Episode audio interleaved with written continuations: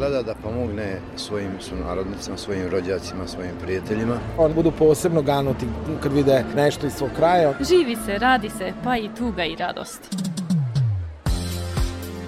O iskustvima i postignućima naših državljana na privremenom radu u inostranstvu. Emisija Naši u svetu. Dijaspora poziva Maticu, Matica odgovara dijaspori. Granice ne postoje u mislima brižnih.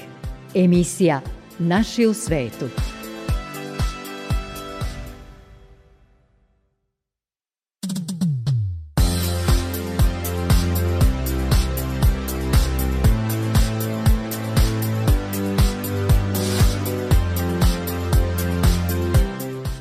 Dobroveče, dobrodošli u emisiju koja jača veze Matice sa svojim rasejanjem. U narednih pola sata o novoj srpskoj školi u susednoj Mađarskoj. Čućemo i poruke studenta poreklom iz Novog Sada koji pohađa postdiplomske studije u Austriji. Prenosimo njegovo kratko, ali bogato iskustvo. Sa vama su večeras za tonskim pultom Daniel Slimak, a pred mikrofonom Goran Pavlović. Republička izborna komisija usvojila je odluku o određivanju biračkih mesta u inostranstvu za glasanje na izborima za predsednika Republike i izborima za narodne poslanike, koji se održavaju 3. aprila. Glasanje će biti organizovano u 34 države, odnosno na 77 biračkih mesta. Za glasanje u inostranstvu prijavilo se oko 40.000 državljana Srbije. Odluku Republičke izborne komisije sa detaljnom listom svih 77 biračkih mesta u inostranstvu možete preuzeti na internet stranici Uprave za saradnju s dijasporom i Srbima u regionu diaspora.gov.rs. Obrazovanje na maternjem jeziku predstavlja mogućnost opstanka manjinskih zajednica, a sunarodnici u susednoj Mađarskoj bogatiji su za još jednu školsku zgradu, ovog puta u naselju Lovra. Tim povodom održana je svečanost u prisustvu predstavnika vlada obe države. Tamo je bila koleginica Dijana Đurić. Lovra je naselje na samom jugu Čepelske Ade na Dunavu južno od Budimpešte, gde još uvek Srbi čine većinsko stanovništvo.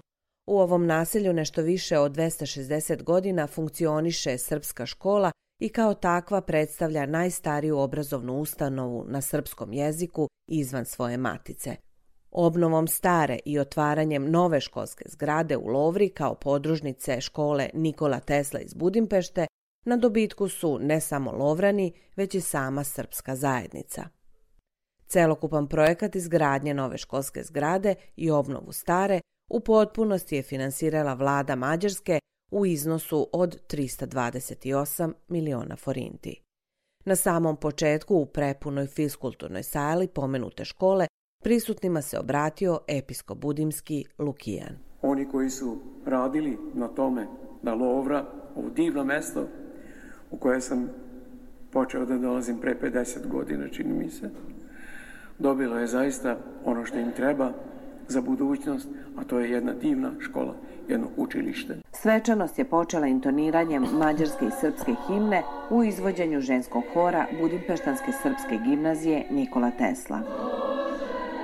Miklo Šoltes, državni sekretar u vladi Mađarske, je govorio o značaju očuvanja maternjeg jezika i manjina u obe zemlje, kao i o pomoći koju mađarska vlada pruža srpskoj zajednici u Mađarskoj. Tom prilikom na svečanom otvaranju on je rekao hogy ez az egyedülálló békesség megteremtődött a két nemzet között. Ovaj jedinstveni mir nastao između dva naroda je dobar kako za vojvođanske Mađare, tako i za Srbe koji žive ovde. On daje primjer drugim narodima, bili oni mali ili veliki, da se može i tako. Na to bi trebalo da budemo ponosni, kao i na ovu izgradnju, investiciju i održanu svečanost, na one koji su nastupili i one koji su danas položili zakletvu. Sve to čini svečanijim ovaj moment.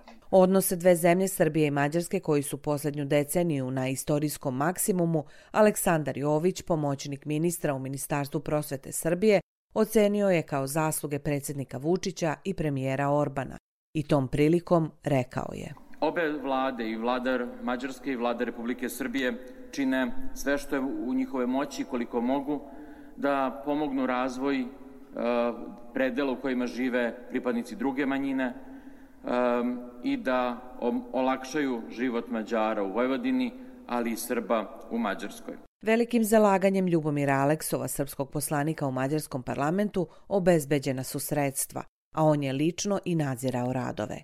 Kao lovranin i bivši đak te iste škole, on je na otvaranju rekao. Ova škola je kamen temeljac za našu decu i unuke, a nadam se i za njihove unuke. Sticanje znanja koje se stalno širi je veoma važno, ali se ne smeju zaboraviti ni tradicija i kultura ako je kamen temeljac pažljivo bira i obnavlja s vremenom na vreme, nema potrebe da se plašimo da će se od pretvoriti u prah kroz istoriju. Na samom kraju prisutnima se obratila i direktorka Srpske škole Nikola Tesla, dr. Jovanka Lastić. Kada sam pre šest godina na roditeljskom sastanku u staroj zgradi, tu još vidim neka lica sa tog sastanka, govorila o tome da nam treba nova učionica, da nam treba nova škola, da treba da proširimo školu. Mnogi su me gledali sa čuđenjem, mnogi su bili skeptični, neki su se pitali da li je sve tu u redu, e, ali bilo je i onih koji nisu verovali da ćemo uspeti i zbog toga je ovo za mene izuzetno značajan i emotivan događaj što danas tu mogu da stojim i što smo svi mi tu e, zajedno. Prisutnima su se obratili i Karoj Pancel, narodni poslanik, i Laslo Kiš Faludi, pomoćnik državnog sekretara za javno obrazovanje, a bogati kulturni program pripremili su pedagozi Srpske škole iz Budimpešte i naravno iz Lovre. Zajedničkim presecanjem vrpce otvorena je nova školska zgrada Srpske škole u Lovri. Srcem i dušom mekšamo setu jedni drugima. Emisija Naši u svetu. Veliki je broj mladih ljudi koji u potrazi za boljim uslovima studiranja odlaze u zemlje Evropske unije i dalje, radi usavršavanja znanja i rada na sebi. Mnogi od njih se nakon školovanja vrate u maticu, dok se jedan broj postdiplomaca nastanjuje u drugim zemljama u kojima su se tokom školovanja snašli. Planirajući svoj radni i životni vek, jedan novosađanin odlučio se na to da konkuriše za postdiplomske studije u Austriji. O tome kako razmišlja jedan mladi čovek o svom životu, o onome što mora sam sebi da obezbedi, ne čekajući na druge, uzdajući se u sebe, u svoju hrabrost i veštine, razgovaram sa Nikolom Petrovićem, koji se nalazi na postdiplomskim studijama u austrijskom Gracu, jedan od naših u svetu. Dobroveče, Nikola. Dobroveče, Gorane. Hvala na pozivu. U Austriju ste otišli pre četiri godine, s obzirom na to da ste pristali na otvoren razgovore, verujem da vam nije problem da kažete koji je bio razlog i koji je bio prelomni trenutak za to da se jedan mladi čovek poput vas odluči za odlazak u nepoznato. Da, pa nije mi problem svakako, to smo se to sam, to sam pristao. E, prelomni trenutak je definitivno se desio negde tokom prve godine studiranja na PMF-u u Novom Sadu. E, ja sam još se veoma interesovao za hemiju u srednjoj školi veoma i zato sam je naravno i upisao. I kada sam upisao fakultet video sam da je velika razlika između a, našeg razvitka hemijskog u Srbiji i razvitka u, u inostranstvu. Video sam da tamo postoje mnoge šanse koje mogu da iskoristim. Naravno, nije to baš tako jednostavno, potrebali su mi neki međukoraci poput jezika, ali kada sam uvideo šta mi je sve potrebno, samo sam krenuo tim putem i krenuo sam da se spremam. Za Austriju se zna, tvrde i moji dosadašnji sagovornici iz te zemlje, da predstavlja jedan izuzetno uređen sistem funkcionisanja društva. Verujem da ste to imali na umu pre nego što ste se opustili u jednu takvu avanturu i odlazak tamo. Učio se jezik, kažete, savladavao se usput dok se radilo na ispitima ovde kod nas na Novosadskom univerzitetu gde ste studirali hemiju. Tak, tako je, tako je. Pa to se desilo, mislim, prosto tako što u toj prvoj godini fakulteta, to su zaista bili bili iscrpni dugački dani za mene, privatni časovi, skoro svaki dan privatni časovi nemačkog naravno, gde sam ja imao ne samo taj privatan čas, već i dodatnu dozu domaćeg. Moj radni dan je izgledao otprilike tako što ja 10 sati učim sa predavanjima i, i zaista, zaista nije bilo lako, ali da je sistem uređeniji kao što ste spomenuli, to zaista je ipak na jednom drugačijem nivou ništa, ništa zaista protiv srpskog sistema i on ima svoje prednosti naravno kao i svaki sistem. Prosto u, u ovom sistemu ovde nijedna puzla ne sme da zapali. Bilo, bilo kakav birokratski sistem od bilo kakve administracije pa do medicinskih situacija i osiguranja i tako rešava se brzo preko interneta, slanje maila i sagovornici i ljudi koji su zaduženi za taj posao uvek su na zadatku zaista, zaista iskustvo sa tim su super. U Austriji ste, Nikola, po dolasku radili mnoge poslove pre nego što ste se aktivno pozabavili projektom na kojem trenutno radite. Na čemu ste sve bili angažovani? Nije sve med i mleko na zapadu, zar ne? Tako je, tako je, definitivno. Kada sam došao, znate, pošto to je bio i moj plan odmah na početku dolaska, odnosno odmah po dolasku da, da se zaposlim barem koliko toliko da, da pomognem porodici ovaj, jer ipak Austrija ipak nudi, nudi malo više, više opcija za rad pored studiranja. Radio sam uh, u službi za sneg, znači kada padne sneg zimi ujutru idemo čistimo sneg sa ulica, radio sam u obezbeđenju, radio sam u supermarketu gde su, verujte, uslovi rada još bili teži nego i sneg, nego i čišćenje snega i obezbeđenje. Radio sam kao konobar znate, ovde su socijalne norme jasno definisane i to se, to se dosta oseti kada ja primetim da se ljudi prema meni drugačije ponašaju u ulozi konobara i u ulozi čistača snega, a tek prema meni u ulozi studenta. Tako da to, to svakako da, da med i mleko nije. U Novom Sadu ste ispite polagali, rekli ste, sa desetkama. Na fakultetu u Austriji vam je bio ponuđen posao koji ste jedno vreme obavljali, to ste pomenuli u pripremi za ovaj razgovor. Recite nam nešto o tom iskustvu i na kojem ste trenutno projektu i čime vas on ispunjava. Tako je, da. U Novom Sadu kada sam studirao imao sam, imao sam sve desetke. Ovdje kada sam došao trudio sam se da nastavim dalje tim tempom. Naravno, studiranje na nemačkom ipak je malkice teže, tako da nisam uspeo da održim sve desetke. Ipak sam zadovoljan svojim prosekom na kraju. Da, bio mi je ponuđen posao na fakultetu IPPT institut, institut za čestičnu tehnologiju Tehničkog univerziteta na Gracu ponudio mi je posao pošto sam na, na svim predmetima koje su, koje su mi oni držali imao desetke, ponudili su mi da radim uh, kao asistent u jednoj od, njihove, od njihovih laboratorija i da budem asistent na upravo dva predmeta od tih predmeta koje sam položio, naravno sledeće godine kada su ih oni održavali.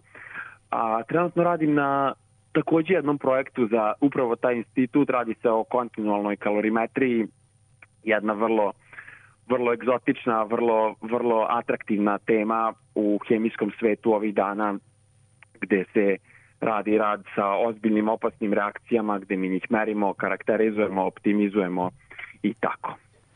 Naš mentalitet je drugačiji od austrijskog. Da li vam je to, Nikola, predstavljalo problem u bilo kom trenutku studiranja i života tamo? I kako vi ocenjujete tamošnji način razmišljanja i njihov pogled na život uopšte? Pitam vas to zato što sam siguran da ste vi tako uspešni svoju životnu filozofiju već uveliko definisali sa svojih 25 godina, što vas kao kredibilnog sagovornika i dovodi pred mikrofon medijskog javnog servisa. Hvala vam zaista za ovo uspešni. Um, znate, tu se, tu se radi, radi o, o velikom radu i uvek, uvek, uvek stojim iza toga. A što se tiče mentaliteta, apsolutno da, su, da, je, da je mentalitet drugačiji. Na početku primetio sam puno da su ljudi hladniji, to je bilo već pre četiri godine. Nekako, prosto su više robotski nastrojeni, svako uradi sve što, sve što se od njega traži i to je to, ali ne više od toga Naravno, mislim, to je bio kulturološki šok za mene. Sada, ipak nakon četiri godine, malo je drugačije. Ovaj, već sam se i privikao na to, apsolutno znam kako da se ponašam u tom sistemu i više mi nije čudno kada, kada vidim bilo, bilo kakvu takvu, takvu pojavu koja se kod nas prosto redko viđa. Pitam vas kao jednog mladog čoveka koji je izuzetan sagovornik, da li biste voleli da se sistem iz Austrije nekako nađe i na ovim našim prostorima u Srbiji? Znate kako, i da i, da i ne, ali velikim delom da. Prosto način garancije i način kako oni prihvataju ljude koji rade, koji pokazuju interesovanje, koji su ambiciozni kod nas, ipak taj deo, ipak taj deo nedostaje. I kada bi se to kod nas uvelo, prosto mislim da smo svi svesni u Srbiji da nam možda ipak malo fali, malo fali toga. Kada bismo to uveli, ipak bismo išli ka jednim drugom, drugom putu, jer čovek koji sebe ulaže 10-20 godina, on na kraju bude i veliki stručnjak, a svakoj državi trebaju stručnjak. U Austriji ima mnogo naših društava i klubova.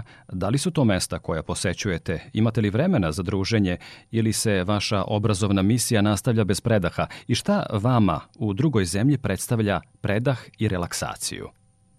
Pa ima, ima dosta društava, naravno da ima društava. Pogotovo što kažete naših klubova za, za iznenađenje, ja sam se iznenadio kada sam došao, ali da, bilo ima i naših puno klubova.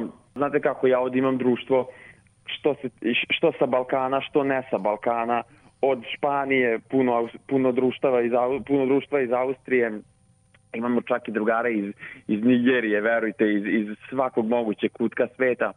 Ja verujem u to da treba čovek da zna da uživa u životu i koliko god radio, tako treba i da zna da se opusti, jer to mu onda daje smisao. Sam rad nema smisao ako, ako neka barem nagrada ne dolazi iz toga, neko ispunjenje relaksaciju mi predstavlja svakako bavljenje sportom, to je nastavak bavljenja sportom, jer sam se ceo život i u Novom Sadu bavio sportom, a i svakako druženje sa, sa društvom što balkanskog, što internacionalnog karaktera. Poštovani slušalci, ostanite uz emisiju Naši u svetu. Nastavit ćemo razgovor sa novosađaninom Nikolom Petrovićem koji studira i trenutno živi u Austrijskom Gracu.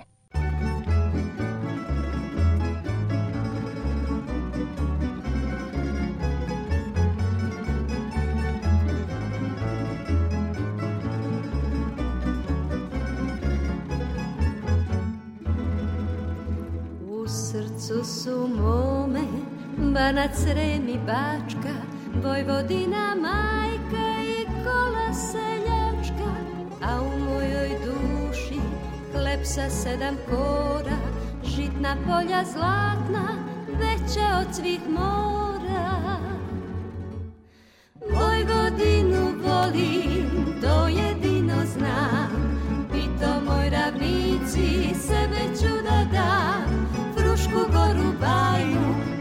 nje grad, na Dunavu plavom beli Novi Sad.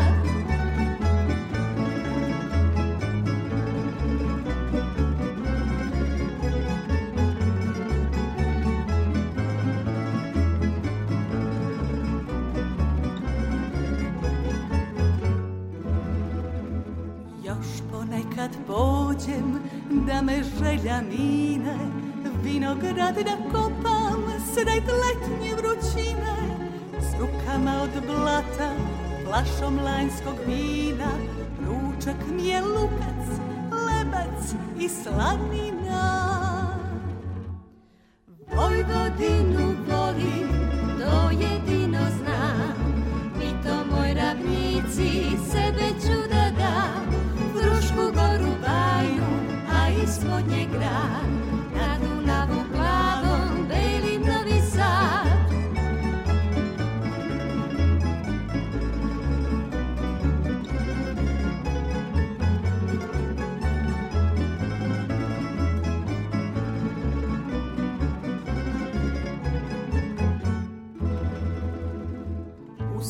su mome Srem, Banat i Bačka Vojvodina naša i torba seljačka A u mojoj duši večna zemlja plodna Čaša rujnog vina i pesma narodna.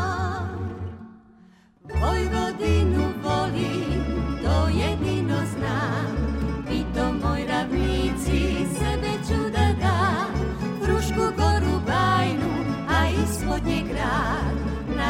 Dunavu glavom, beli Novi Sad. Vojvodinu volim, to jedino znam.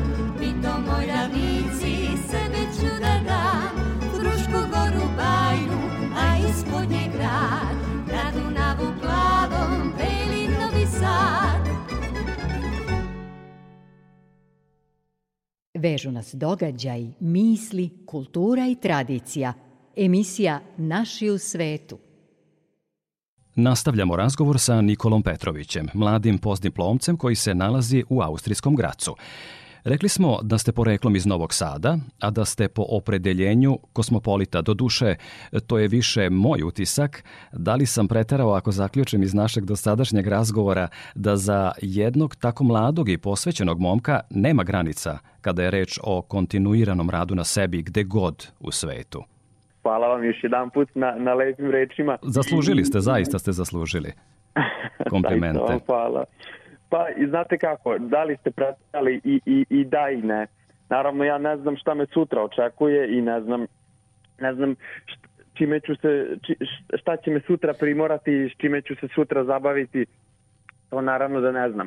Samo znam da ovo što trenutno radim volim da radim, zanima me ta oblast i tu naravno postoji puno stvari još koje, koje mogu da uradim i koje me, koje me dalje mogu ispunjavati. Granice nije lako pomerati, granice čovek sam, sam, samom sebi postavlja i ja mislim da dogod mogu da gurnem tu granicu još malo dalje, to je to nastavak, nastavak priče postoji. Kako biste, Nikola, ocenili stanje u austrijskom društvu tokom pandemije i kakva je sada epidemijska situacija? Čini mi se da ste dobro informisani i da ste u toku i sa tim u vezi. Pa znate kako, da su puno strožiji, svakako to stoji. Ja sam imao priliku da budem u Srbiji dva ili tri puta od kako je korona, od kako je stela situacija sa koronom počela. Verujte da je, da je totalno drugačije. Znači, nošenje maske je ovde ne samo obavezno, već prosto narod vrši pritisak da kada u, unutra, kada u unutrašnje, unutrašnjosti nekog prostora, znači kada smo u zatvorenom prostoru, da ako ne nosite masku, svi gledaju u vas. Što se tiče epidemioloških mera uvedenih od, od države, recimo kada je, počeo, kada je počela sama ta situacija sa koronom i uveden policijski čas na ulicama posle 8 mogla su samo da se nađu policijska kola koja patroliraju da bi, da bi proverila da li se neko slučajno ne šeta. To je tako dosta dugo trajalo, verujem čak možda i 9 meseci otprilike. Tako da dosta, dosta je strožije svakako. Kada inače dolazite u rodni Novi Sad, šta vam najviše nedostaje, to često pitamo sagovornike, koje mesta najrađe obiđete kada dođete u rodni grad? Pa svakako to su, najviše mi nedostaju porodice i prijatelji, a sa njima mogu da idem, verujte, verujte gde god. Najviše volim, mislim, ipak u centru grada, tu, tu sam nekako, nekako i odrastao i, i ideći u školu, tako da tu, tu uvek popijemo kafu u, u jednom od brojnih, brojnih kafića, ali ja imam i, imam i porodicu širom Srbije, tako da naravno obiđem turu, što se kaže, i posećujem ih sve. Pomenuli ste školu, Nikola, s obzirom na to da ste u Novom Sadu ostavili veoma dobar utisak na nastavno osoblje u gimnaziji Svetozar Marković, povremeno vas, kada dođete u Novi Sad, angažuju da držite i motivacione govore sadašnjim đacima. Ko su profesori koji su vam ukazali takvo poverenje i koliko su naši srednjoškolci zainteresovani da uče od onih koji su takođe mladi, ali vredni, uspešni i posvećeni radu na sebi, svom znanju i iskustvu. Zvala me najčešće moja razredna, to jest e, bivša razredna Dobrila Jelovac, ona se profesor, ona je profesorka biologije i penzionisala se pre par godina. I zvala me profesorka nemačkog, to jest moja profesorka nemačkog Agota Cikora, njoj, njoj mogu da se zahvalim podosta za, za moj uopšte način učenja nemačkog jezika što se tiče dece i njihove spremnosti da uče, to je srednjoškolaca, smatram da je da je ipak se ipak se oseti velika znatiželja sa njihove strane. I znate ja svaki put kada sam se pojavio tamo svaki put su svi apsolutno imali pažnju uprtu u mene. Znate kako u srednjoj školi ono pa priča zadnja klupa pa se dobacuju. Toga apsolutno nije bilo. Svaki put kada sam pričao mislim da, da su željni znanja žele barem da znaju kako to izgleda. Možda neće svako da se odluči za taj potez, ali možda neko i hoće i tako. Možda su vas pomno slušali zato što ste bili dobar sagovornik i predavač. Ja se nadam, ja se nadam da je i to slučaj, ne, ne bi znao. Dok smo se pripremali za ovaj razgovor, Nikola, rekli ste da ste primetili da ste veoma često u Srbiji u situaciji da ne nalazite sagovornike vaših godina sa kojima možete da pričate o nauci, o tom ulaganju u sebe, o razmišljanju o životu dugoročno. Čini se da su našim ljudima te teme nezanimljive i strane, a opet sa druge strane u jednoj evropskoj zemlji kao što je Austrija, teme o stalnom unapređivanju su svakodnevica među mladima. Kako vi to komentarišete? Pa, to, to svakako stoji i meni se malo malo i srce cepa kada vidim da se to desi, ali prosto, prosto naučio sam već do sada da je to tako. Kada god spomenem šta sve radim i kako sve radim, ljudi ili misle da lažem, ili misle da preuveličavam, ili misle da mi je sve dato na tacni. Ja ne mogu prosto da im dočaram da to nije tako, da sam za sve zaslužan ja i moja porodica koja mi je omogućila veliku podršku, koja me tako vaspitala, da sam da sam spreman na, na svaki neophodan korak i da sam spreman na veliki rad. Prosto ja bih to hteo onda da malo podelim sa svojim društvom, sa, sa, širom, sa širim krugom ljudi. Niko, niko baš se ne odaziva na to, ali dobro, možda vremenom. Da ne bude nedoumice, govorite o reakciji ljudi ovde u Matici kada dođete na odmor. Apsolutno, apsolutno da, apsolutno da. Znači svaki put kada, kada bih hteo da da im opišem kako se kod mene dešavaju stvari, pošto meni se za šest meseci ipak desi dosta toga, ili promenim posao, ili, ili me primeti na nekom institutu, kada god, kada god dođe do toga, ja to ispričam mojim drugarima, oni misle, aha, pa njemu je sve dato na tatni, zato on to tako može. Tako. Jesmo li, uzdahnuo sam duboko s razlogom, jesmo li ovom razgovoru zaboravili da pomenemo nešto vama važno? Jesmo li se dotakli svega što mislite da je neophodno mladim ljudima vaših godina da čuju i saznaju, bar kada je reč o obavezi da urede svoje dvorište sami, pre nego što provire u tuđe? Pa znate kako, nismo ništa zaboravili. Ja bih možda jedino dodao da ako neko ima nameru da se okuša u bilo čemu, a recimo u odlasku u inostranstvo pogotovo, rekao bih da treba da napravi sebi dobar plan, da svoju situaciju pogleda u oči, da prizna u čemu se trenutno nalazi, da bude spreman na veliki rad i trud i da dan po dan dalje optimizuje taj svoj plan, da se dalje trudi koliko god može i na kraju da nadamo se dođe do svojih ciljeva. Hvala vam Nikola što ste svoje kratko, ali dragoceno iskustvo na studijama u Austriji podelili sa slušaocima emisije Naši u svetu Radio Novog Sada. Verujem da ste ponekog uspeli i da motivišete da je nekada korisno biti hrabriji nego što mislimo da jesmo i da tu hrabrost uložimo u svoje sazrevanje kako bismo stečeno znanje prenosili i narednim generacijama. Razgovor sa vama meni je pomogao da vratim i veru i nadu u to da će mnogi intelektualci koji su napustili našu zemlju u potrazi za boljim životom jednog dana doći u zemlju porekla, gde će imati mnogo više zainteresovanih sagovornika o neophodnom radu na sebi i potom boljitku svih nas. Hvala vama Gorane na pozivu. Meni je uvek veoma drago kada mogu da sa nekim tako lepo pričam o tim temama koje ipak mislim da su, da su aktualne ne samo za moj život, generalno i za društvo i to ako smo uspeli nekoga da motivišemo da napravi pa jedan mali korak, mislim da smo onda ispunili misiju. Nikola Petrović, još jedan sunarodnik koji je obogatio drugu zemlju, ovog puta Austriju, svojim znanjem, trudom i rezultatima. A da li će ga matica motivisati da se vrati u rodnu zemlju, ne zavisi od njega i njemu sličnih. Emisija Naši u svetu.